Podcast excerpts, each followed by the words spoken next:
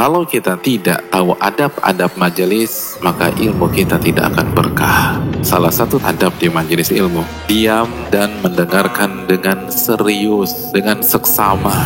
Al-Imam Abdahak bin Muzahim, beliau mengatakan pintu pertama dalam dunia ilmu adalah diam. Yang kedua, mendengarkan dengan seksama dan serius. Barang siapa yang kekajian tidak diam, ngobrol, curcol, bercanda, sibuk dengan gadgetnya, maka tidak dirahmati oleh Allah. Allah berfirman dalam surat Al-Hujurat ayat 2, Ya ayyuhalladzina amanu la tarfa'u aswatakum fawqa sawtin nabi. Wahai orang-orang beriman, janganlah kalian mengangkat suara kalian di atas suara Nabi. Al-Imam Muhammad bin Zaid ketika membawakan surat Al-Hujurat ayat 2 mengatakan, Aku memandang mengangkat suara di hadapan hadis beliau setelah beliau wafat itu seperti mengangkat suara di hadapan Rasul Shallallahu Alaihi Wasallam ketika beliau hidup. Apabila dibacakan hadis Nabi Shallallahu Alaihi Wasallam, wajib atas anda diam sebagaimana anda wajib diam di hadapan Al-Quranul Karim.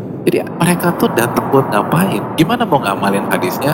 Tapi justru datang ngerendahin hadis. Gak mungkin kan? Kita baru bisa ngamalin tuh ayat kalau kita muliakan. Kalau udah direndahin, gak mungkin kita amalin.